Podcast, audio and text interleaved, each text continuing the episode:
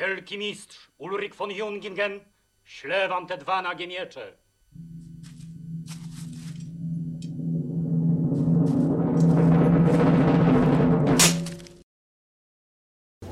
Temat jest rocznicowy. E, Myślę, że panie po prostu będziecie mogły zaimponować po naszym wykładzie swoim panom, kolegom e, wiedzą fachową e, o bitwie pod Grunwaldem. Na pewno czeka nas cały festiwal e, imprez, e, rekonstrukcji historycznych, filmów, innych wydarzeń, w których będą na pewno powielane stereotypowe i jak najbardziej no, błędne, jeśli chodzi o fachową wiedzę średniowieczną, obrazy dotyczące właśnie bitwy pod Grunwaldem. Spodziewam się, że większość z Państwa po pierwsze oglądała film Aleksandra Forda Krzyżacy z tą monumentalną sceną bitwy pod Grunwaldem. E, I też pewnie większość, także pewnie większość młodszej części e, czytała już Krzyżaków albo przynajmniej ten fragment właśnie poświęcony bitwie pod Grunwaldem e, pióra mm, Sienkiewicza, Henryka Sienkiewicza. Otóż proszę Państwa, musimy o tych obrazach z całym szacunkiem dla wielkich artystów zapomnieć, bo te obrazy są bałamutne. I jeśli historycy stawiają sobie pytanie o rekonstrukcję przeszłości, stawiają najbardziej podstawowe pytanie, jak było naprawdę, tak żeby sobie to przed oczyma wyobrazić, to nie tak. prawda? To zupełnie nie tak. Tak na tyle, na ile możemy sobie odtworzyć bitwę pod Grunwaldem, na pewno wyglądała ona inaczej. Na pewno. Przepraszam, jeszcze tutaj. To jest taki dyscyplinujący element. O. Także proszę Państwa, e, ben, chciałbym, żebyśmy właśnie e, taki e, z tego naszego wykładu, taką wynieśli tutaj korzyść. Otóż czasu mamy niewiele. Więc e, o bitwie będziemy, skoncentrujemy się w zasadzie na prawie, na, na bitwie, prawda? Więc zapominamy już o innych tematach, wiemy, powiemy sobie tylko tyle. I Polska, i Litwa, i Zakon Krzyżacki miały swoje powody, żeby w 1409 roku wszcząć wojnę. E, Wojnę wypowiedział e, Ulrich von Jungingen, wielki mistrz Zakonu Krzyżackiego. On ją wszczął i wygrał kampanię roku 1409. Zdobył ziemię dobrzyńską.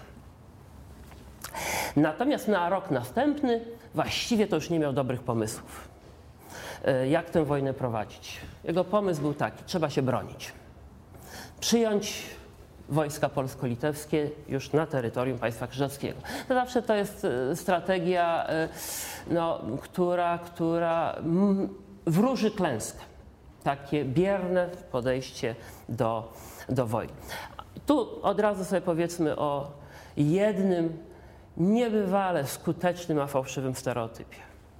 Znowu odwołując się do literatury, ale właśnie także i do Jana Długosza, naszego jednego z głównych informatorów o tych wypadkach. Ulrich von Jungingen jawi się jako krewki młodzieniec, zapalczywy, nierozważny, który prowadzi wojnę w sposób agresywny. Nic z tych rzeczy. Ten pan miał już wówczas 55 lat, więc na pewno i dzisiaj byśmy go uznali za mężczyznę dojrzałego, a wówczas to już był starzec. I jak przyjrzymy się tym całym wypadkom, powiedzmy całej tej kampanii grunwaldzkiej, to się okaże, że on tę wojnę i tę bitwę już w roku 1410 prowadził w sposób absolutnie kunktatorski. Widzicie Państwo, to jest siła stereotypów. No dobrze. Otóż nie da się jednak niestety zupełnie wypreparować z kontekstu y, y, opowieść o bitwie, więc musimy sobie powiedzieć także parę słów o kampanii grunwaldzkiej, czyli całej tej kampanii 1410 roku. A to dlatego, że bitwa grunwaldzka była jej integralnym elementem i powiem dość przypadkowym. Tego nie zaplanowano, że właśnie w tym miejscu odbędzie się bitwa. Prawda? Owszem, zaplanowano, że odbędzie się bitwa w ogóle. Tak. a zaplanowali to dowódcy strony polsko-litewskiej. Bo już w grudniu 1409 roku w Brześciu litewskim nad Bugiem e, na takiej sekretnej naradzie spotkali się król Władysław Jagiełło, książę Witold i podkanclerzy Mikołaj Trąba, dopuszczony prawda, do tej narady. I tam postanowiono, że w roku następnym, prawda, późną wiosną czy tam wczesnym latem, na uderzenie. I to uderzenie wszystkich sił wprost na Malbork, z południa. Prawda? E, to miało zaskoczyć e, Ulryka von Jungingen i e, no, jego wojska. I też trzeba powiedzieć, że ten pomysł na kampanię był nietypowy jak na średniowiecze. W średniowieczu znowu, wbrew stereotypowym wyobrażeniom, na pewno tak sobie Państwo wyobrażacie, średniowieczną wojnę, aha, to zaraz to muszą być bitwy. Nic z tych rzeczy. Codzienność wojny y, średniowiecznej to jest raczej unikanie bitew, to są oblężenia, najazdy, zajazdy, palenie wsi, inne jeszcze akty y, przemocy, o których nie będę mówił, bo mi modestia nie pozwala y, wspominać. W każdym razie na tym się koncentrowano. Bitwa to zawsze było ryzyko. Owszem, dochodziło do bitew wielkich, ale nie zawsze, nie zawsze. W tym wypadku od razu z góry zaplanowano. Idziemy na Malbork i w związku z tym liczymy się, że krzyżacy swoje wojska wyprowadzą w pole, i dadzą się pobić. Dlaczego dadzą się pobić? Bo ich wojska będą mniej liczne. To zakładano. No. Oczywiście. E, dla, może tutaj dopowiem. Dlatego, że potencjał państwa krzyżackiego był mniejszy niż wspólny potencjał korony i Litwy, jeśli chodzi o ludność, zaplecze. No. Więc można się było tego, można się było tego spodziewać. Dalej. Z drugiej strony Ulrich von Jungingen, wielki mistrz, mógł nie wyprowadzać w pole swego wojska. Mógł je rozproszyć po bardzo licznych zamkach krzyżackich, których jeszcze resztki prawda, możemy dzisiaj prawda, podziwiać na wycieczkach krajoznawczych, i w ten sposób obronić. I w ten sposób obronić. No, taka strategia, oczywiście, ona by bez wątpienia uchroniła jego armię od klęski, ale nie uchroniłaby od klęski jego kraju, jego poddanych, bo wojska wtedy polsko-litewskie po prostu by ten kraj obróciły w perzynę. No, więc to, a sam wielki mistrz na pewno no, poniósłby już nieodwracalny uszczerbek na honorze, rycerskim honorze, jako ten, kto bał się walczyć. Prawda? Oczywiście z perspektywy czasu możemy powiedzieć, że to był jedyny dla niego ratunek ale tego przecież on jeszcze wiosną, czy też w lipcu nie wiedział, prawda, 1410 roku. No dobrze, proszę Państwa, przejdźmy zatem do samej grunwaldzkiej kampanii. E, rozejm wygasa pod koniec czerwca i wówczas 1410 roku wygasł rozejm i wówczas rozpoczynają się działania zbrojne. Koncentracja armii polskiej i litewskiej przebiegała niezwykle sprawnie, zgodnie z wyznaczonym harmonogramem. Proszę Państwa, nikt jeszcze w dziejach Polski, a Polska miała już za sobą no, ponad 400 lat historii, nikt jeszcze nie dowodził tak liczną armią. Około 20 tysięcy wojowników, rycerzy, prawda, ich sług, giermków, czy ich poczty, prawda, trochę piechoty, artylerii i kilka tysięcy wozów. No, więc to była ogromna masa, nad którą trzeba było panować, że nie było żadnego doświadczenia. Trzeba było pokonywać przeszkody naturalne. I kampania zaczęła się od koncentracji wojsk pod Czerwińskiem, tam gdzie do dzisiaj prawda, możemy podziwiać piękny romański e, kościół, prawda, poklasztorny, kolegiatę e, poklasztorną e, kanoników regularnych. E, tam właśnie nastąpiła przeprawa przez Wisłę. Po moście pontonowym przeprawa trwała od 30 czerwca do 2 lipca. Ów most, który zachwycił współczesnych, między innymi Długosza, między innymi innych prawda, y, tutaj autorów źródeł, którzy mówią o most wspaniałej konstrukcji. On był już wcześniej przygotowany w Puszczy Kozienickiej pod Radomiem i w odpowiednim momencie spławiony, zbudowany i po tym moście pontonowym, zaskakując siły krzyżackie, armia polska przeszła na prawy brzeg, bitw, prawy brzeg Wisły. I tam połączyła się z wojskami, i tam połączyła się z wojskami e, litewskimi, które już wówczas także podążały, prawda, wzdłuż e, Bugu, Narwi. E, tak, no i się właśnie połączyły.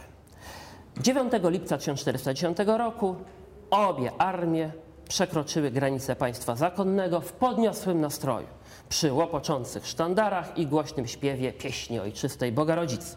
Jeszcze tego samego dnia wieczorem wojska sprzymierzone zdobyły, ograbiły i spaliły miasto Lidzbark-Welski. Proszę Państwa, to się będzie ciągle powtarzać. Przemarsz wojsk polsko-litewskich będzie znaczony pożarami i e, plądrowaniem, ale także wyżynaniem, no nie ukrywamy tego, ludności cywilnej ludności cywilnej. Już tu się to zdarzyło. Prawda? Nie obeszło się bez, ekscesów. Dwaj Litwini, którzy rabowali kościół i wyrzucili z tabernakulum Najświętszy Sakrament na rozkaz księcia Witolda, musieli się własnoręcznie powiesić na oczach całego wojska, dla, na przykładu dla innych. Proszę Państwa, tu widzimy, jakie jest, jaką trudność przed sobą miało dowództwo, żeby nad tym całym towarzystwem jeszcze 10 tysięcy wojsk litewskich, czyli w sumie około 30 tysięcy samych wojowników. A jak podliczymy sługi, to jeszcze musimy co najmniej kilka, jak nie kilkanaście tysięcy dodać ludzi, prawda? Nad tą masą ludzi, ludzi trzeba było zapanować, narzucić dyscyplinę, a przecież to nie było regularne wojsko, to było pospolite ruszenie, prawda? więc właśnie takimi brutalnymi metodami, prawda? brutalnymi e, metodami. E, to właśnie wówczas król e, powierzył miecznikowi krakowskiemu Zyndramowi z Maszkowic e, właśnie te, to zadanie utrzymać dyscyplinę. Mianował go naczelnym oboźnym. Jan Długosz napisał nieprecyzyjnie, że ów krakowski rycerz otrzymał funkcję dowódczą. I stąd niektórzy historycy wywnioskowali zupełnie bezzasadnie, że został on naczelnym wodzem. No tutaj trzeba powiedzieć, że jeśli chodzi o naczelne dowództwo, no to mamy całą wielką dyskusję, prawda? Kto dowodził? Historycy litewscy oczywiście na kogo wskazują jako na główną A oczywiście Witolda, prawda? Z naszej strony, prawda? Przecież też Litwin. Ale już nasz, prawda, w cudzysłowie, prawda, Władysław, Władysław Jakieł. W gruncie rzeczy to są śmieszne, ambicjonalne spory, prawda, które można jednym słowem przeciąć. No, kto był, miał najwyższą rangę w całym tym, w cudzysłowie, towarzystwie? No król Polski który był także wielkim księciem litewskim. No to co, to on komuś innemu dał dowództwo, prawda? Nie. Natomiast jak w każdej porządnej bitwie średniowiecznej był sztab. I w tym sztabie był i król, prawda, i, i wielki książę, prawda, i był Mikołaj Trąba, i, i Zyndram, i paru jeszcze innych, prawda. W sumie o, obok, poza królem ośmiu, ale to za chwilę ten sztab powstaje. Dobrze, idziemy dalej z, z tą armią. Otóż, proszę Państwa, już 10, czyli następnego dnia, 10 lipca, ta wojna mogła się skończyć klęską wojsk polsko-litewskich gdyby nie opanowanie króla Władysława Jagiełły. Następnego dnia bowiem e, armia zbliżyła się do Brodu na Drwęc, prawda? to jest e, prawy dopływ Wisły. Trzeba było przez tę rzekę przejść, żeby dalej maszerować prawda, na północ w kierunku, w kierunku Malborka. E, pod Kurzędnikiem.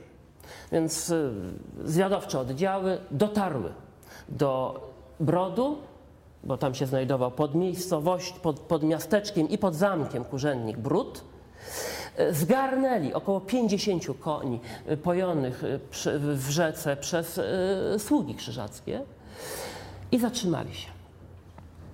Po drugiej stronie, no, na szczęście zwiat, ten taki bliski zwiat nie zawiódł. Okazało się, że Brud jest już obsadzony wojskami krzyżackimi.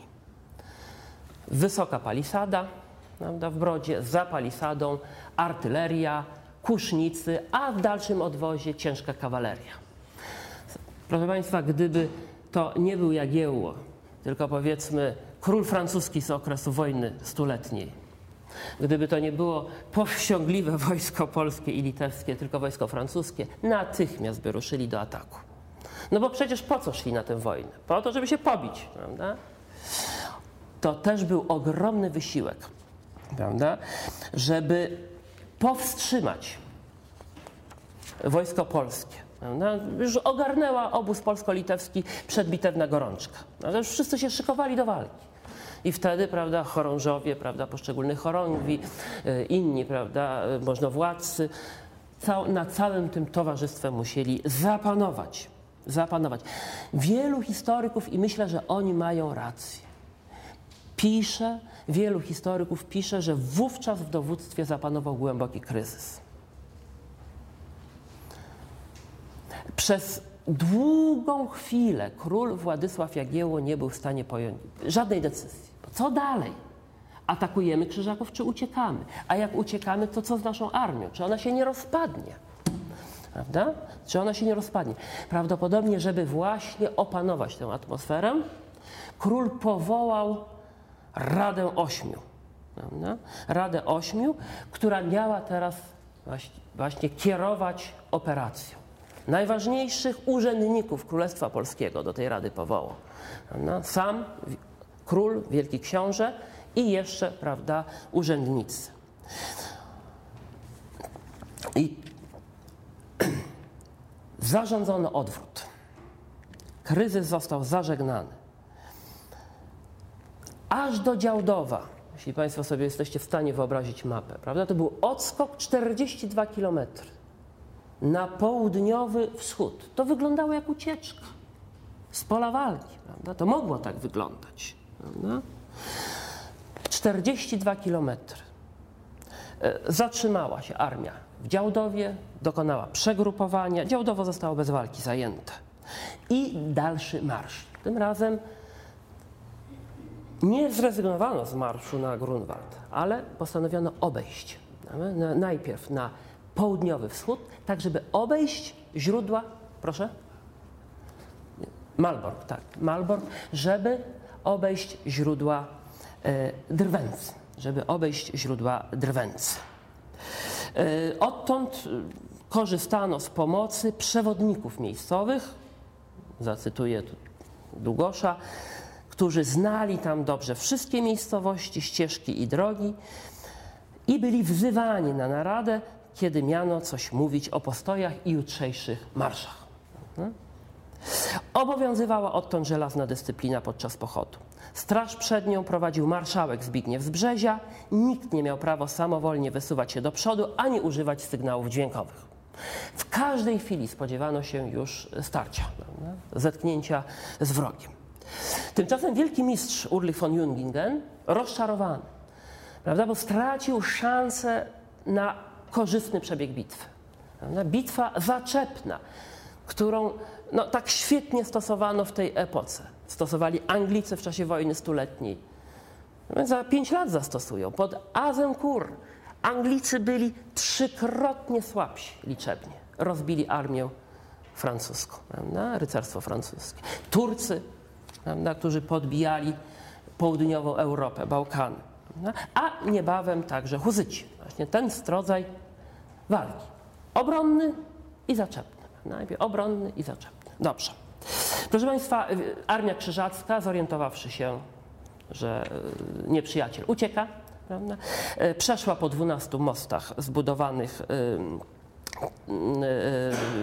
na rzece Drwęcy i 13 lipca założyła obóz w okolicach Lubawy i wysyłała podjazdy, czekając na wieści o ruchach wojsk nieprzyjacielskich. Wydaje się, że tym razem zawiodło rozpoznanie y, i polsko-litewskie dowództwo było przekonane, że nieprzyjaciel pozostał na prawym brzegu Drwęcy. No. 13 mm. lipca 13 lipca wyruszyła armia polsko-litewska z Działdowa y, i dotarła pod wieczór na skraj jeziora. To już Państwo widzicie na, tym, na tej mapie skraj jeziora Wielka Dąbrowa. tutaj na, na tej mapie możecie Państwo zobaczyć. Wielka Dąbrowa. Otóż y, i tam rozłożyła się obozem. Dalej trakt prowadził wąskim przesmykiem między jeziorami Wielką i Małą Dąbrową. Proszę wpatrzeć na mapę, bo to będzie ważne. I w środku tego przesmyku o szerokości około 300 metrów leżało nieduże, ale dobrze obwarowane i obsadzone mocną załogą miasteczko Dąbrówno. Wieczorem pod jego murami samorzutnie zaczęły się utarczki obrońców z nadciągającymi oddziałami polskimi. Po trzech godzinach walk miasto zdobyto szturmem i podpalono. Jego mieszkańcy zostali wymordowani lub zagnani w niewolę. W ręce zdobywców padły łupy i spore zapasy żywności. Zakłopotany długo, znowu się do niego odwołam, on tutaj jest takim moim przewodnikiem, e, pisał, że ta srogość Polaków należy, tę srogość Polaków należy tłumaczyć rządzą odwetu za spustoszenie przez Krzyżaków ziemi dobrzyńskiej w kampanii roku poprzedniego. No, faktem jest, a i poza tym król oczywiście o niczym nie wiedział. E, ale znowu inne źródło, kronika konfliktu, pisze, że Dąbrówno, Dąbrowno podpalono z rozkazu królewskiego. Jest faktem, że pożar miasta uniemożliwił przemarsz wojsk e, przez, e, przez to miasto. Ono jeszcze następnego dnia prawda, tliło się. Przypadkiem była to szczęśliwa okoliczność. Gdyby armia polsko-litewska, to jest już druga szansa dla Krzyżaków, prawda? druga szansa dla Krzyżaków wygrania tej wojny i tej bitwy. Gdyby armia polsko-litewska szła dalej, maszerowała dalej, ku północy, przez ten przesmyk, to rozciągnąć się by musiała, ja wiem, tak liczę, kilkanaście, a może nawet dwadzieścia kilometrów. Przemarsz trwałby kilkanaście godzin. Dwie wąskie bramy tego miasteczka, prawda? przez które mógł przejechać jeden wóz lub dwóch konnych rycerzy.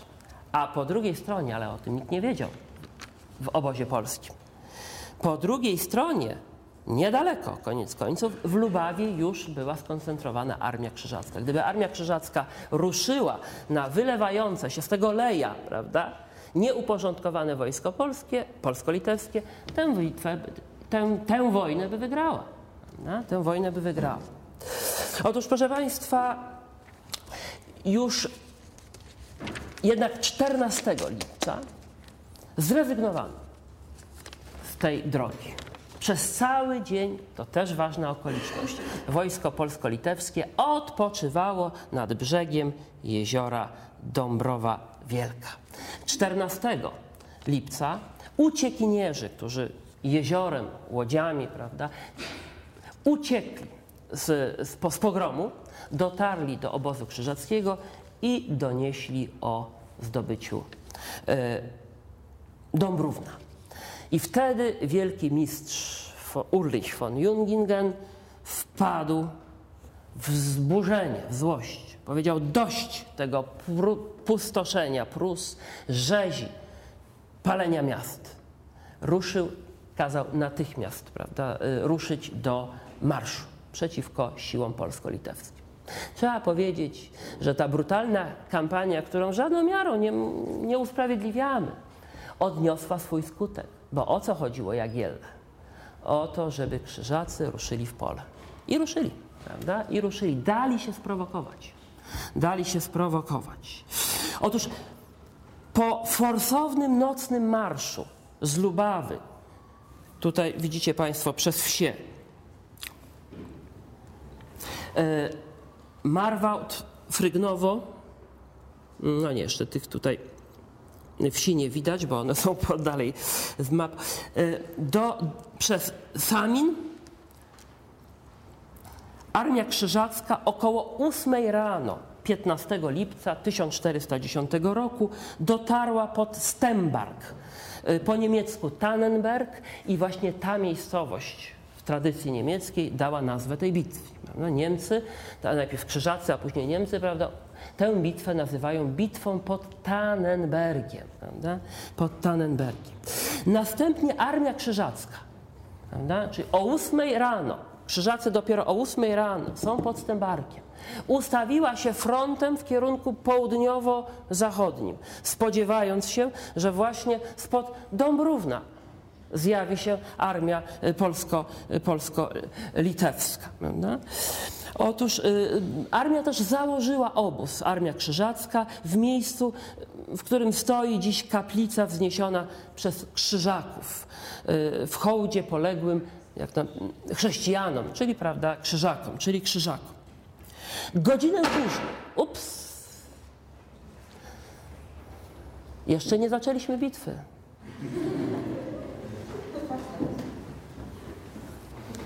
Ale już za chwilę, za kilka godzin. Otóż godzinę później, czyli o dziewiątej, wielki mistrz Ulrich von Jungingen, kompletnie zaskoczony. Jego konsternację podkreślają wszystkie źródła. Dowiedział się przez posłańców, że podjazdy krzyżackie prowadzą utarczki z nieprzyjacielem zupełnie w innym miejscu. Na otwartej przestrzeni, na wschód, patrzymy tu na mapę, od wsi Łodwigowo prawda? Łodwigowo, czyli właśnie tu na no, południowy, powiedzmy, wschód, prawda, od wsi Grunwald i na południe od wsi Stembark. Że tu na polu, które w przyszłości zostanie nazwane polem grunwaldzkim, że tu zaczęły się utarczki z podjazdami armii y, y, polsko-litewskiej, z chorągwiami, prawda? Tutaj y, z chorągwiami y, dodajmy y, przedniej straży marszałka Zbigniewa z Brzezia. Z Brzezia. Otóż wielki mistrz kazał natychmiast odwrócić front swojej armii w kierunku południowo-wschodnim. Rozwinął swoje chorągwie. Wiedziałem, że to oprawa muzyczna jest rozwinął swoje chorągwie między wsiami właśnie Stembark, między wsiami Stembark i Łodwigowo, i Łodwigowo, mając w zapleczu właśnie wieś Grunwald i swój obóz, i swój obóz. Widzicie to Państwo na planie? Otóż y, zauważmy, Ulrich von Jungingen nie wybrał tego miejsca bitwy. Był zaskoczony. Był zaskoczony. Prawda? Ale natychmiast gotowy do walki. Natychmiast gotowy do walki. Tutaj dodam, że jeszcze wysunął do przodu przed swoje chorągwie polową artylerię. Prawda? Polową artylerię, którą, którą zresztą wojska krzyżackie użyły. Dwie, dwie salwy artyleryjskie. To jest pierwsze w dziejach naszej części Europy użycie polowej artylerii. Użycie polowej artylerii. Proszę Państwa, kolejny mit, który mamy u Sienkiewicza. Mamy też i u Aleksandra Forta. Włóżmy go między bajki. Ten mit to opowieść o tym, że krzyżacy przygotowali wilcze doły przed swoim frontem. Niby kiedy mieli przygotować? Jak oni przed chwilą się tutaj zjawili. Prawda? Tę opowieść y, dopiero w XVI wieku ta się historyjka pojawiła w takiej litewskiej kronice Bychowca. Tak? Więc y, no, zapominamy o tym. Zapominamy o tym. Otóż, proszę Państwa, przed krzyżacką armią rozciągało się lekkie zagłębienie Doliny Wielkiego Strumienia. Dziś już wyschniętego, lecz wówczas płynącego do rzeczki, no tutaj Maruski. Y, miało ta dolina miała długość około 3 kilometrów. Za nią w kierunku południowo-wschodnim rozpościerał się teren bardziej urozmaicony, pagórkowaty, pokryty zagajnikami i zaroślami, okolony bagnistymi łąkami, rzeką Maruską i jeziorem, właściwie jeziorkiem Łubień. Tam właśnie skrywała się armia polsko-litewska. Jej dowództwo również było zaskoczone tym spotkaniem. Też się tego nie spodziewało. Cofnijmy się w czasie mówiłem już, 14 lipca, y, y, kiedy dogasały zgliszcza Dąbrówna, armia polsko-litewska tkwiła bezczynnie w obozie na skraju jeziora Dąbrowa Wielka. Następnego dnia o świcie, we wtorek 15 lipca, w dzień rozesłania apostołów, wypoczęte rycerstwo polskie i litewskie ruszyło na północ przez Dąbrówno, lecz okrężną trasą. Najpierw na wschód, a później na północ w kierunku Mielna i dotarło właśnie tutaj do Ulnowa nad jeziorem Łubień. Widzicie Państwo? Na, do, otóż wymarsz, tutaj dodam, e, opóźniła gwałtowna burza i ulewa. Później w ciągu dnia jeszcze parokrotnie padał deszcz. Ale zdaje się nie był na tyle intensywny, żeby to pole grunwaldzkie rozmiękczyć i uniemożliwić szarże rycerskiej kawalerii. Armia polsko-litewska e, no do, do, dobrze, zostawmy to. Po drodze kilka wsi też spaliła. Około godziny 8 rano dotarła w pobliżu, w pobliże e, wsi Ulnowa i jeziora Ubień. Tam król Władysław Jagiełło nakazał postój. Kiedy szykował się wysłuchać świątecznej mszy świętej, nadjechali zwiadowcy z wieścią o pojawieniu się chorągwi krzyżackich. Zarządzono alarm. Położenie armii polsko-litewskiej w tym momencie było dramatyczne. Chorągwie były rozproszone. Część już znajdowała się po drugiej stronie tego jeziora Łubień. Gdyby, gdyby wielki mistrz Ulrich von, Ulrich von Jungingen, i tu on traci trzecią szansę na zwycięstwo, miał śmiałość wielkich wodzów, powiedzmy Aleksandra Macedońskiego albo Hannibala, mógłby wygrać jeszcze w tym momencie tę bitwę. Mimo, że miał tylko kilkanaście tysięcy żołnierzy, prawie no, niemal dwa razy mniej niż y, król Władysław Jagiełło. Może 20 tysięcy, na pewno nie więcej. Więc jego siły były znacznie słabsze. Znacznie słabsze. Prawda? Gdyby natychmiast ruszył całą swoją potęgą prawda, do ataku, znosiłby po kolei chorągwie rozproszone polskie i i litewskie, ale tego nie uczynił. Otóż, proszę Państwa, kronikarze, na przykład Długosz, nie miał co do tego wątpliwości, że tracił szansę.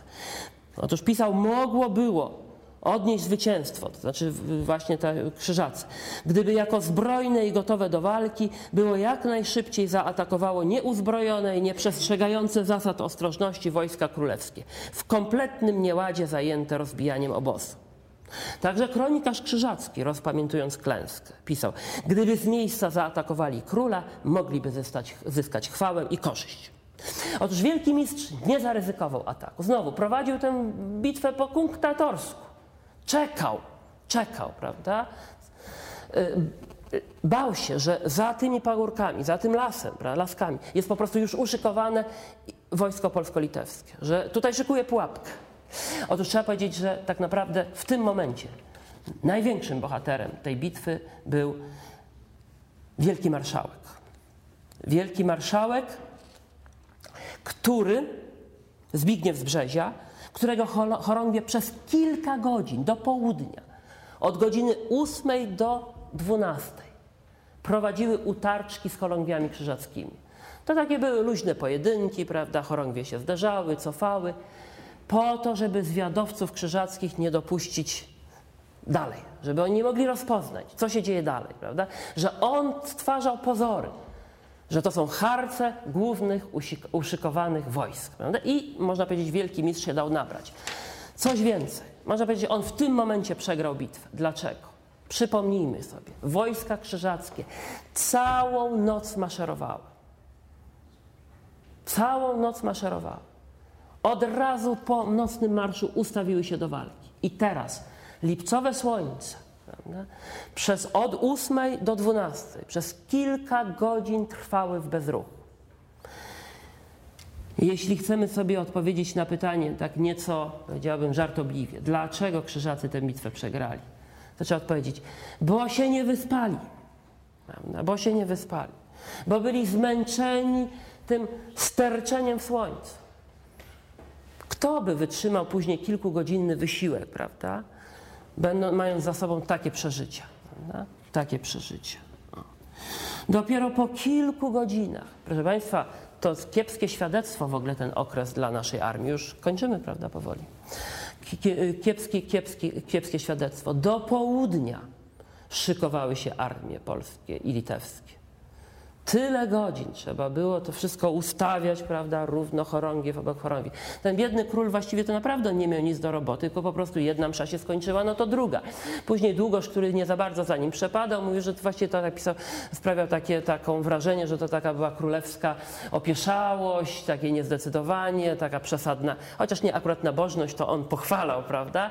No, a litewscy historycy zacierali ręce, no tak, tak, ten Jagiełło to tylko potrafił się modlić, a tylko nasz Wit Witold, prawda? On ustawiał wojska, a później prowadził do boju.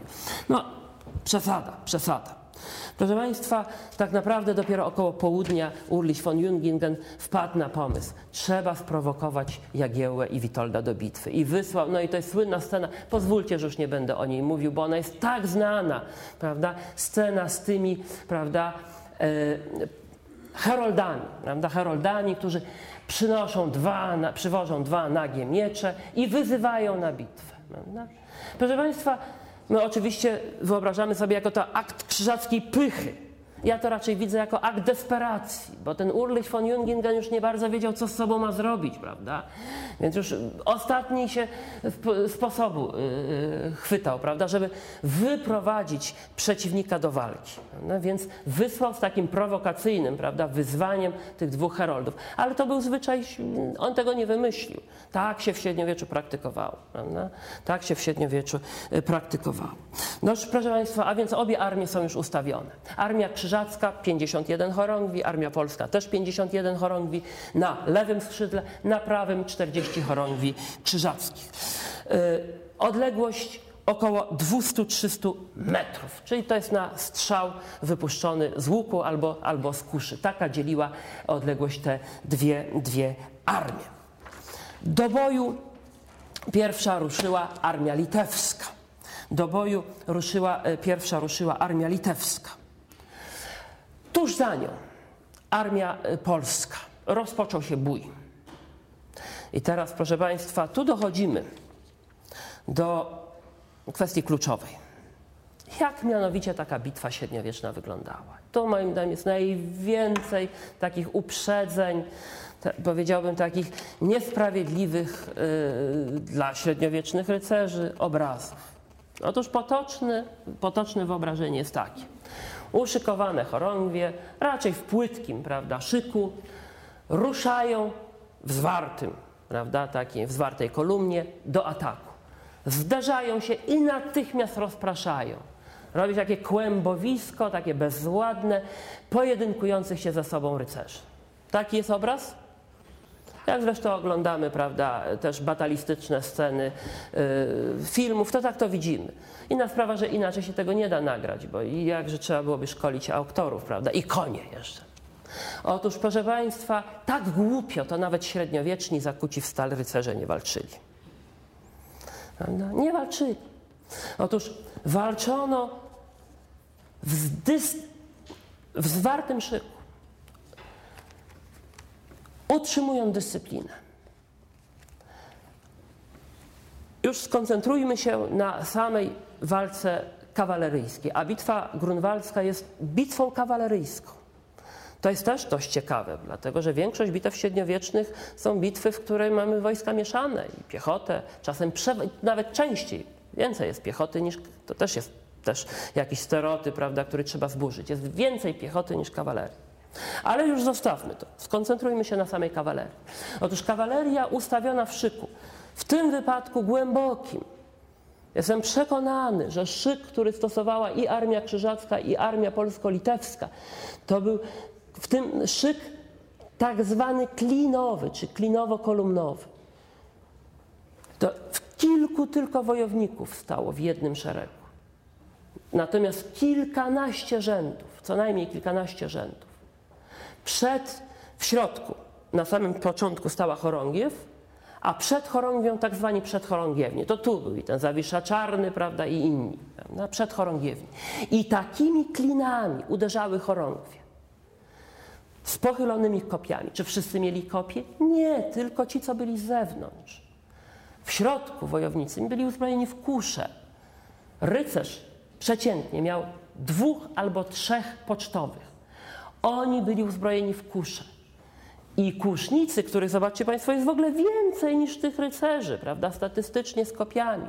Oni walczą strzelając po prostu, wypuszczając bełty, czyli te strzały z kurz, tak zwaną nawiją, czyli ponad głowami, bo tak też potrafiono strzelać z kurz, prawda? Natomiast w pierwszych szeregach rycerze z pochylonymi kopiami uderzają i jeśli nie wbijają się w przeciwnika, nie rozbijają go, to najczęściej nie wiążą się walką wręcz, tylko na znak dany przez chorążego, który zwija chorągiew, wycofują się. I kolejne uderzenie. To były takie falowe uderzenia. Chorągie, no czasem oczywiście wiązały się walką wręcz, ale też ona trwała raczej minuty. Po czym chorąży zwija chorągiew, wycofuje się jedna chor chorągwie, zastępują ją inne chorągwie i w ten sposób walczono. Prawda? Wyobraźcie sobie, ta bitwa trwa, no, ten zasadniczy bój powiedzmy trwa do trzeciej, czwartej, a później się ciągnie do, do zmroku. Kto by wytrzymał prowadząc ciągłą walkę, no nie wiem, walcząc kilkukilogramowym mieczem przez tyle godzin? To było fizycznie niemożliwością. To wystarczy wyruszyć po prostu sobie tylko wyobraźnią, prawda? Uruchomić wyobraźnię. Otóż w ten sposób walczono. I straty, dopóki tak walczono, były niewielkie. Niewielkie, prawda? Niewielkie. Otóż zdaje się, że słabiej w tym szyku prawda, wdrożona w ten szyk armia litewska po godzinie walki, czyli około pierwszej, e, po prostu rozproszyła się. Ten odwroty tych Holąwi pod naporem krzyżackim zamieniły się w ucieczkę. I tu dochodzimy do bardzo kontrowersyjnego momentu. Litewskim historykom trudno jest to przyjąć, że ich armia po prostu uciekła z tej bitwy. Po prostu uciekła. Prawda? E, w tym momencie. Prawda? E, więc to też przejęto z późniejszych jakichś relacji i budo, budo, to też niektórzy historycy polscy to przyjmują. Taką, powiedziałbym tutaj hipotezę, że oto Litwini świadomie uciekli, żeby w pułapkę, w zasadzkę odciągnąć siły krzyżackie. Powiem tak, ja w to nie wierzę. Nawet gdyby to był taki pozorowany, w cudzysłowie, mongolski, tatarski manewr, to on po prostu się nie powiódł. Dlatego, że armia polska, która pozostała, znalazła się w dramatycznym niebezpieczeństwie. Zostało odsłonięte całe skrzydło. Gdyby krzyżacy nie ruszyli w pogoń za Litwinami, oczywiście i uderzyli na armię polską, mogliby wówczas przeważyć. Drugim bohaterem po wielkim marszałku tej bitwy w tym momencie jest brat rodzony Władysława Jagieły, mianowicie Semen Lingwen, który dowodził trzema chorągwiami smoleńskimi. One zostały na polu walki, one zostały na polu walki i po prostu obroniły to odsłonięte prawe skrzydło wojsk chorągwi polskich. No i dobrze, proszę Państwa, dalej walka trwa. Walka trwa. Kryzys został zażegnany. Po trzech godzinach zmagań bitewnych rezerwy mniej licznej armii krzyżackiej zaczęły się wyczerpywać. Zdaje się, właśnie dawało się też we znaki zmęczenie tych wojowników, krzyżackich wojowników. Krótka dygresja. Jeszcze jeden obraz tej bitwy. Proszę Państwa, pamiętamy scenę z szarży krzyżackiej z filmu Aleksandra Forta. Wszyscy wojownicy, długie, białe płaszcze, prawda? Białe kaftany z czarnymi krzyżami. Wiecie Państwo, ile było krzyżaków w bitwie pod Grunwaldem? Krzyżaków, nie wojsk krzyżackich. Może 250, raczej nie więcej. Tylko tylu panów miało białe, raczej nie płaszcze, bo one były niewygodne, tylko kaftany, prawda? Z białymi krzyżami. Resztę wojsk mają takie same, dzisiaj byśmy powiedzieli umundurowanie, prawda? Czyli tak samo uzbrojeni, ubrani. To dlatego przed bitwą Władysław Jagiełło kazał swoim wojskom, żeby się przepasali powrózłami, tak żeby to o, o, odróżnili się, odróżniali się od wojsk krzyżackich, prawda? Od, od wojowników krzyżackich. No dobrze, to taka dygresja, też wyjaśniająca pewien stereotypowy, prawda, czy też obalająca obraz. Otóż po trzech godzinach wojska krzyżackie są już wyczerpane i wówczas Ulrich von Jungingen decyduje się na, ostateczną, na ostateczność. Sam staje na czele 16 chorągwi, takie odwodu. Odwodu no niektórzy znowu historycy uważają, że to były świeże siły. No gdzie jedna trzecia wojsk krzyżackich dotychczas nie walczyła? Nie, po prostu to są te korągwie, które walczyły, wycofywały się. Zebrał i postanowił obejść armię e, polską, walczącą armię, rycerstwo polskie i takim łukiem szerokim jeszcze właśnie to prawe skrzydło, to odsłonięte, prawda, uderzyć. To wówczas, prawda, w czasie tej tego manewru doszło do tej słynnej historii. No, zwyciężają ci, co mają szczęście. Król Władysław Jagiełło miał szczęście, bo te 16 chorągwi przejeżdżało tuż obok wzgórza, na którym stał król Władysław Jagiełło ze swoim kilkudziesięcioosobowym pocztem. Prawda? Otóż gdyby, gdyby ten odwód zagarnął króla, no to też mogłoby wywołać panikę. Prawda? Nie jedna bitwa średniowieczna zakończyła się klęską dlatego, że ginął w tej bitwie naczelny, naczelny wódz. Otóż jednak, żeby nie rozpraszać swych sił, zobaczcie Państwo znowu, dyscyplina, prawda? To mimo, że stało kilkudziesięciu rycerzy, prawda? Ominięto ich, prawda? Bo trzeba było się koncentrować, zaskoczyć główne siły. Tylko jeden z gości, Dypold von Kekritz, z, z Miśni, z pochyloną kopią, natarł wprost na króla. Prawda? Nie wiedząc zresztą, na kogo atakuje. Król jednak zręcznie obronił się, ranił własną włócznią napastnika, a później młody Zbigniew Oleśnicki, późniejszy kardynał i biskup krakowski, prawda? informator Długosza, tego powalonego prawda, z konia rycerza, podbiegł i dobił. Też mało się godnie zachował, prawda, ale to bitwa. Prawda? Otóż, proszę Państwa, odwód wielkiego mistrza nie zaskoczył wojsk polskich. Wojska polskie, część chorągwi odwróciła się, związała walką i, proszę Państwa, wtedy już wojska polskie zaczęły przeważać. Słabły siły krzyżaków, już jesteśmy gdzieś po godzinie 15, prawda? Niebawem wróciły także uporządkowane z, tego, z tej ucieczki prawda, wojska krzyżackie i y, wojska litewskie, przepraszam, uderzyły na armię krzyżackie i wtedy już położenie wojsk Urlicha von Jungingen było dramatyczne. Dramatyczne. Zamknięci w kotle no. i tu bitwa już po prostu w rozproszeniu. Tu jest ten moment, kiedy bitwa dopiero wówczas zamienia się w rzeź. Prawda? Rzeź jest kontynuowana także w pościgu za no, niedobitkami. Część wojsk krzyżackich próbuje zamknąć się jeszcze w obozie, ale też daremnie. Do godzin nocnych, do, do zmroku trwa pościg. Ta bitwa kończy się całkowitym pogromem. Zginęło z tych 250, 203 braci rycerzy. Właściwie, może z jednym czy z dwoma wyjątkami, wszyscy urzędnicy Czyli całe, całe to państwo, prawda, można powiedzieć, legło w gruzach. Wszyscy urzędnicy krzyżaccy najwyżsi polegli, prawda, tam z kilkoma, prawda, wyjątkami, prawda, z kilkoma wyjątkami. Około 50% pozostałych wojowników zginęło lub poniosło rany, prawda, odniosło, od, odniosło, yy, odniosło rany. Około 8 tysięcy wojsk krzyżackich. Natomiast po stronie polskiej straty naprawdę były zdumiewająco niskie. Dlaczego?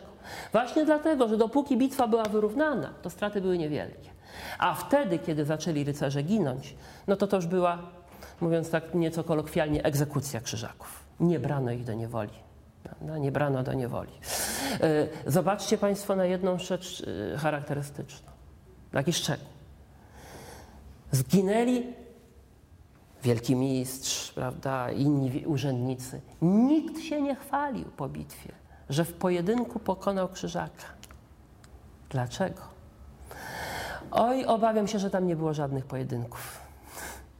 Że to po prostu dopadano, prawda? Oczywiście walczono, ale nie bawiono się w pojedynki jeden na jednego. Prawda? To była po prostu rzeź. No, to była rzeź. I ja może w tym dramatycznym momencie przerw, przerwę, prawda? Już nie będę Państwu opowiadał o dalszych losach, prawda? O tym, jak ta zwycięska bitwa tak naprawdę zakończyła się no, takim sobie zwycięstwem, prawda? Yy, dlatego, że nie udało się zdobyć Malborka, prawda? To już my wiemy, prawda? Skądinąd. Yy, I ja tutaj się zatrzymam, prawda? Także mam nadzieję, że Państwu trochę, prawda? Tutaj y, wyprostowałem, wyprostowałem te stereotypowe obrazy, prawda, dotyczące bitwy grunwaldzkiej. Pewnie nie ma miejsca na pytanie już, prawda, czas. Tak? Jest, jest. Albo możemy to przedłużyć, tak? To bardzo proszę, możemy ewentualnie w dyskusji kontynuować tę opowieść, co było dalej. Czy macie Państwo jakieś pytania, jakieś uwagi? Tak.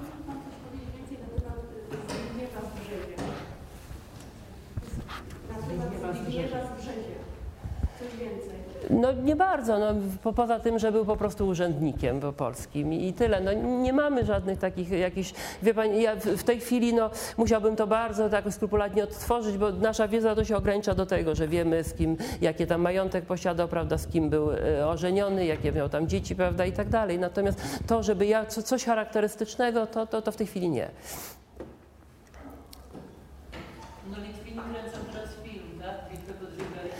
Już tak. Nie, już nie kręcą, bo nie mają pieniędzy na to. Bo konsultowali nający teksty, czy tylko będą ewentualnie celowcy? Nie, nie, oni głównie kręcą tam bez udziału Polaków i, i, i- bez udziału król, króla Władysława Jagiełły ma przebiegać tam. Nie, nie, przepraszam, bo ja może tutaj, e, ale to równie dobrze bym kpił też naszych film, e, wy- wykpiwał też naszych filmowców. Wiecie Państwo, no to jest po prostu taka niepotrzebna taka siła, jakby tu powiedzieć, jakiejś ambicji, prawda? No naprawdę Litwini bardzo dzielnie w tej wojnie stawali. Prawda? Trzeba sobie powiedzieć. No, faktem jest, że to jest nieprzyjemna taka sytuacja, prawda? Dlatego też, e, proszę Państwa, zobaczcie, że w źródła w gruncie rzeczy bardzo, nawet Długosz, który nie przepadał za Litwinami, bardzo tak stonowanie pisze o tej ucieczce Litwinów, prawda? No bo to było krępujące. Właściwie to naprawdę, no wiadomo, że oni ogromne straty ponieśli w tej bitwie, tak naprawdę większe niż, ni, ni- niż Polacy. Prawda? A jednak związali część, li- te, czy część sił krzyżackich. To znaczy ta ich ucieczka jednak też odciągnęła część, prawda? Więc natomiast, natomiast to zupełnie te spory o to, czy to dowodził Witold, czy też, że ten, ta ucieczka, yy, czy ten manewr, prawda, ten pozorowany odwrót, prawda, on, to on przeważył o zwycięstwie. No jeśli właśnie przyjrzymy się temu, jak ta bitwa właśnie wyglądała, jaka była taktyka walki, no, no to nie, nie musimy się uciekać aż do takich hipotez. Tak. Naszej świadomości funkcjonuje dużo stereotypów czy mitów związanych z Mhm. tą bitwą. Czy są jeszcze jakieś, których ze względu na czas nie, nie rozumieliśmy? No tak, no na przykład, na przykład y, to, że Władysław Jagiełło zapatrzył się na Tatarów i że on w tej bitwie stosował właśnie taką tatarską taktykę. To znaczy wódz nie, nie, nie, nie walczy bezpośrednio, tylko na wzgórzu, prawda, y, y, koordynuje działania zbrojne. No właśnie przejętym ten manewr tej ucieczki pozorowanej miał być też przejęty od wojsk tatarskich, prawda. Niepotrzebne. Przepraszam, król Henryk IV, prawda, król angielski, pod jak się wdrapywał na wiatrak, prawda, żeby z tej wysokości koordynować działanie, to był rok 1346, żeby koordynować działanie swoich chorągwi, prawda, angielskich, szkockich, prawda, walijskich, to co, to on y, był po kursach tatarskich? Nie czasem tak wodzowie walczyli. A ileż jest bitew średniowiecznych, w których był właśnie ten manewr pozorowanego odwrotu. To naprawdę nie potrzeba Tatar. Owszem, tutaj mieliśmy Tatarów.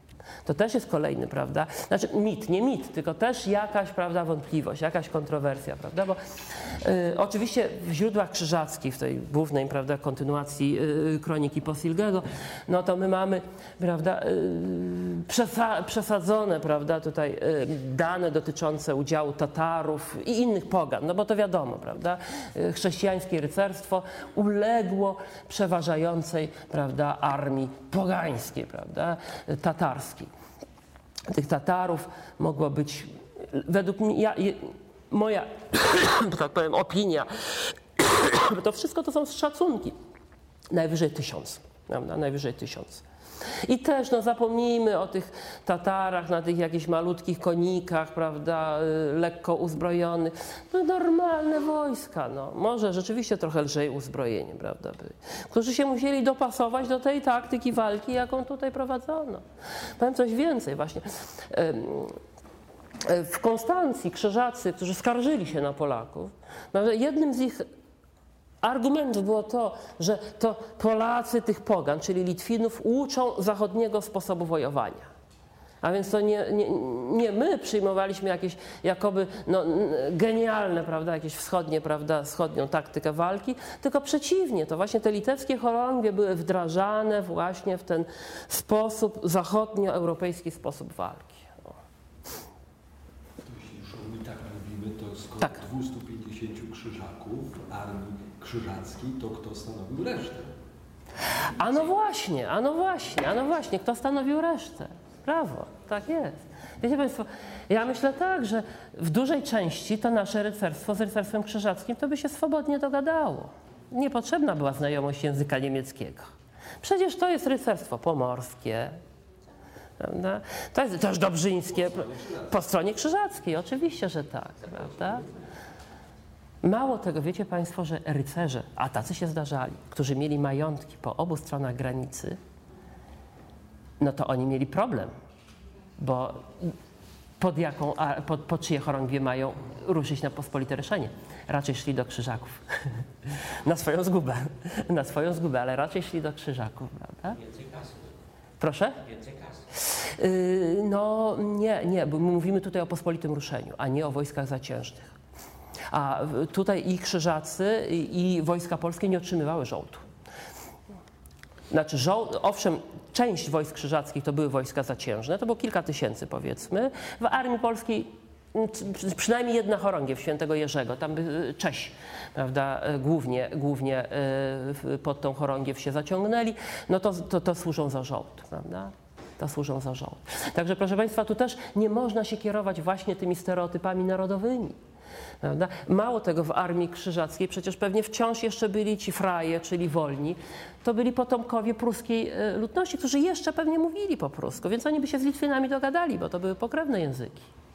To, by, to, była lekka, lekka właśnie kawaleria. No właśnie, jeśli mówimy też o lekka kawaleria, jeśli mówimy o stereotypach jeszcze, to poza, to poza właśnie tym, tym no, takim stereotypem narodowym. Prawda? A przecież Ślązacy w Armii Krzyżackiej. No ale to jednak rycerstwo w, części, w większości już niemieckie, prawda, śląskie było. Przecież e, książęta pomorscy, prawda, zaciągnęli się po stronie krzyżackiej. prawda.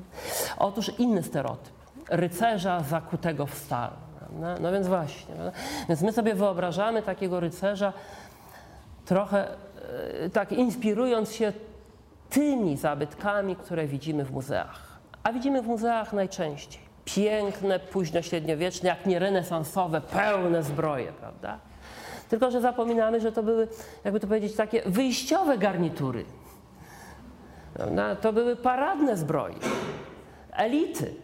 Żołnierze na co dzień byli dużo lżej uzbrojeni niż nam się wydaje. Rycerz, taki przeciętny rycerz z tej epoki, miał na sobie kolczugę, mógł mieć, ale nie zawsze, napierśnik, trochę jeszcze metalowych płyt, hełm, no i broń. Jak to podliczymy? 20 kg na sobie, 30. A ile piechur w 1939 roku regulaminowa miał na sobie? W 1939 roku. Proszę? Tak, 20-30 kg. Rycerz miał, był tak samo obciążony jak piechur z kampanii wrześniowej. Więc wiecie Państwo, też nie przesadzajmy z tą ciężką zbrojnym, tym ciężko zbrojnym rycerstwem. Oni musieli mieć swobodę ruchu, ale faktem jest, że oczywiście, że ten pancerz chronił przed razami, prawda, przed ranami. Prawda? Ta- Także, także to też jest stereotyp, prawda? Proszę? Nie. To nie wiemy jakiej jest. Znaczy myślę, że znaczy, wie pan, znaczy z tymi inscenizacjami, tak jak ja to słyszę, prawda, tych bitew, jest pewien problem taki, że one są bardzo skoncentrowane na odtworzeniu broni, Natomiast już nie do końca właśnie tej taktyki ale jakby mogli. Oni już naprawdę ci, ci hobbyści musieliby się wypisać ze szkół, z pracy, żeby tak się zaprawiać w boju. Więc, więc to jest o wiele łatwiej, y, jakby stworzyć inscenizację, nie wiem, bo to zaczęli Amerykanie na dobrą sprawę y, bawić się w wojnę secesyjną, prawda? No to łatwiej jest, prawda, y, przeobrazić się w, w takiego, prawda, konfederatę, prawda, uzbrojonego w, w jakiś tam y, powtarzalny, prawda, karabin e, niż, nie, nie powtarzalny tam, powiedzmy, no, e, właściwie na początku to jeszcze skałkowe, pra- prawda, później, później jeszcze odtylcowe, e, już odtylcową, odtylcową broń niż, niż, niż w rycerza, prawda, niż w rycerza. Więc myślę, że to jest po prostu no, materia. Y, Ciężar materii. Trochę się z tą bronią palną y, y, zagalopowałam, zostawmy to, już nie będę tego odtwarzał, jestem tego świadom. Więc jeśli tu są jacyś hobbyści, militaryści, to wiedzą, że... ale to, to z rozpędu. To jeszcze o mitach. To kto zabił właściwie wielkiego mistrza? A no właśnie, właśnie, prawda? To też jest, to też jest, to też jest tutaj. Yy, ale to ty, ty właściwie ty masz te mity. To może ty tutaj się włączysz już z tym mitem. Proszę Państwa, no właściwie to kto zabił wielkiego, wielkiego mistrza, to my tak naprawdę tego nie wiemy. Natomiast w XVI wieku znowu zrodziła się taka deprecjonująca, deprecjonująca, e, mająca deprecjonować, prawda, legenda, że od pospólstwa wielki mistrz zginął, od chłopów. No i tutaj już, prawda, już mamy już e, ten wątek w późniejszych e, epokach jest rozwijany. Zwłaszcza u który no, jakby reprezentował już nowe rozumienie jakby patriotyzmu narodu. No przecież z tą nawałą krzyżacką walczy cały naród, a więc także chłopi. No i tu mamy kolejny mit. Bitwa grunwaldzka jest bitwą kawaleryjską. Jeśli tam pominiemy te, te, te, te, te salwy artylerii prawda, krzyżackiej. Bitwą kawaleryjską. Nie brano na taką ekspedycję chłopskiej piechoty. Po co? E, Tak trzeba było te 30 tysięcy z wielkim trudem prowadzić, prawda? Przecież parę tysięcy ciur, czyli tych, prawda, służby obozowej. To wystarczy. Skąd miałaby się niby ta chłopska piechota wziąć? Więc to jest też legenda, prawda? Którą zamieścił e, zamieścił e, mm, Sienkiewicz, no a którą oczywiście z zrozumiałych ideologicznych względów rozwinął w filmie Aleksander Ford. Ale także, wiecie Państwo, historycy. Autor największej książki o bitwie podgrunwaldzkiej, Wielka Wojna. E, Stefan Maria Kuczyński. no, Wielka wojna z zakonem krzyżackim. no, Taki potężny, prawda, tomiszcze potężna, kilkaset stron. No to on jeszcze, no, pierwsza wersja to jest jakoś tam w lata 60., o ile dobrze pamiętam, no bo nieustannie wznawiana, pewnie teraz też będzie wznawiana, wznowiona ta książka. No to dla tego historyka nie było wątpliwości, że, prawda, że decydujące uderzenie prawda, które rozstrzygnęło o losach bitwy, to była właśnie atak chłopskiej piechoty. Ale że to właśnie ta chłopska piechota dokonała rzeź prawda, tej właśnie starszyzny krzyżackiej. Że to ch- piechota chłopska prawda, odpowiada za takie nierycerskie wojowanie. Inny obraz pokazuje. Proszę? No tak, tak, też, to prawda, to prawda. Obraz, obraz Matejki też, też ma ten, prawda, że to, yy, tylko że tam jeden, proszę? Tak, że piechurzy, że piechurzy, tak. Ja przepraszam, a jak było z tą propagandą krzyżacką i z zaproszeniem gości z zachodu? Bo z tego co wiemy, by, by, byli tak zwani goście z zachodu, to byli tylko książęta pomorcy? Nie, to byli także... Nie, nie. Nie, znaczy trzeba powiedzieć tak, że mm, to dla krzyżaków niestety była już e, przeszłość na dobrą sprawę.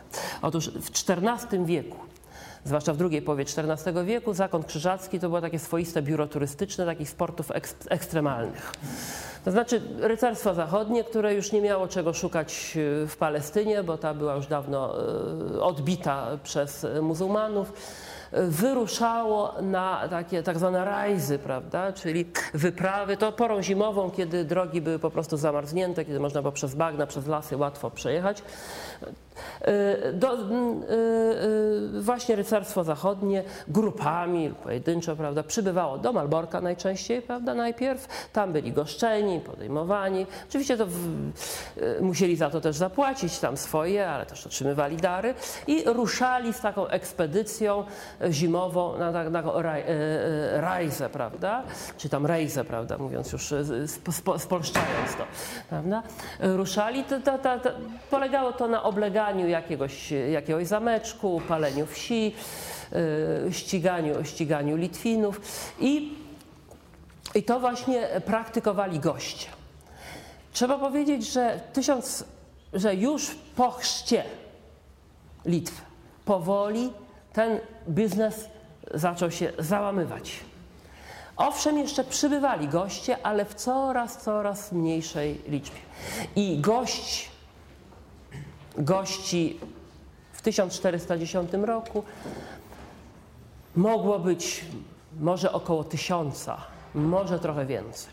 Więc to była jakaś siła, ale nie przeważająca. Większość trzon wojsk krzyżackich to jest właśnie to pospolite ruszenie, prawda? Czyli ta pomorska, prawda, czy tam pruska, pruska szlachta, czy rycerstwo, prawda? To było, to było pospolite ruszenie.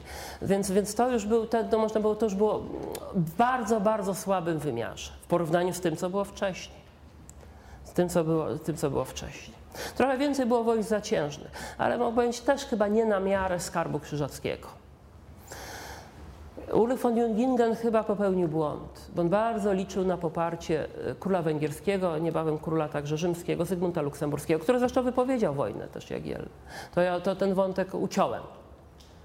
Ale co z tego, jak on mu zapłacił kilkadziesiąt tysięcy yy, tam grzywie, no ogromną, ogromną sumę, za którą mógł, mógł wystawić naprawdę kilka tysięcy dobrych, dobrych wojsk zaciężnych.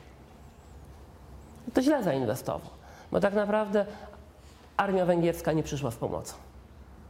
Mimo, że Zygmunt wojnę wypowiedział. Prawda? Więc to była chybiona inwestycja, powiem tak. Także goście, owszem, byli, prawda? ale nie, nie, nie w takim wymiarze, w jakim by się krzyżacy tego mogliby się spodziewać.